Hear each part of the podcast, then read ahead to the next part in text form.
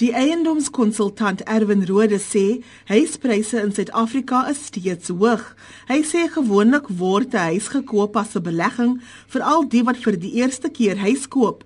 Hy sê daar is 'n kultuur in Suid-Afrika om so gou as moontlik huis te koop as 'n lewenslange belegging, maar hy sê dit is vir die volgende paar jaar nie slim skuif nie. Rode sê Suid-Afrikaners moet begin spaar. As jy 'n eerste huiskoper is, of jy word miskien verplaas van Johannesburg na Kaapstad of andersom. My voorstel sou wees dink 2, 3 keer voor jy koop. Huur liewerster. Want jou huurgeld gaan heelwat laer wees as jou maandelikse bedrag wat jy vir die bank betaal wanneer jy 'n hoë verband mis uitneem.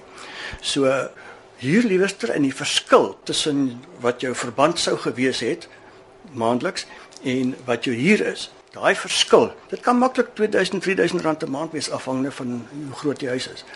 Spaar dit getrou elke maand.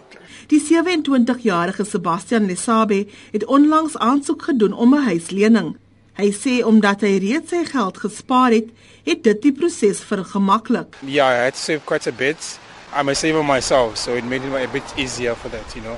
But I think for those who are not really savers or are keen on saving money, it can make it a little bit challenging.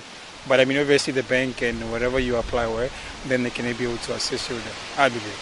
Die bestuurende direkteur van Pam Golding Eiendomme in die Wes-Kaap, Larry Wenner, sê die stand se verkopersmark en dat dit moeilik is vir 'n eerste koper om die mark te betree. People do struggle and the higher the market goes the more they struggle.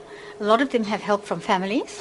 Some of them are very lucky and they have inheritances, but they really need to be saving up to 20% of their deposit. And they need to be sure that they can comfortably afford the repayments because interest rates are probably going to go up a little bit over the next 12 months. Die voorsitter van Bill Rosen Eiendomme, Bill Rosen, sê daar is 'n tekort aan huise veral in die Wes-Kaap. Many people have moved to the Western Cape in the last 10 years. I think the population of Western Cape has increased by 50%.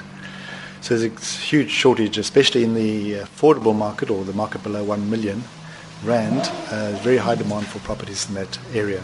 Rosen sê in die Wes-Kaap is daar 'n hoë vraag na huureiendomme omdat mense nie kwalifiseer vir huislenings nie of 'n deposito het nie. Ek is Berenice Moss in Kaapstad.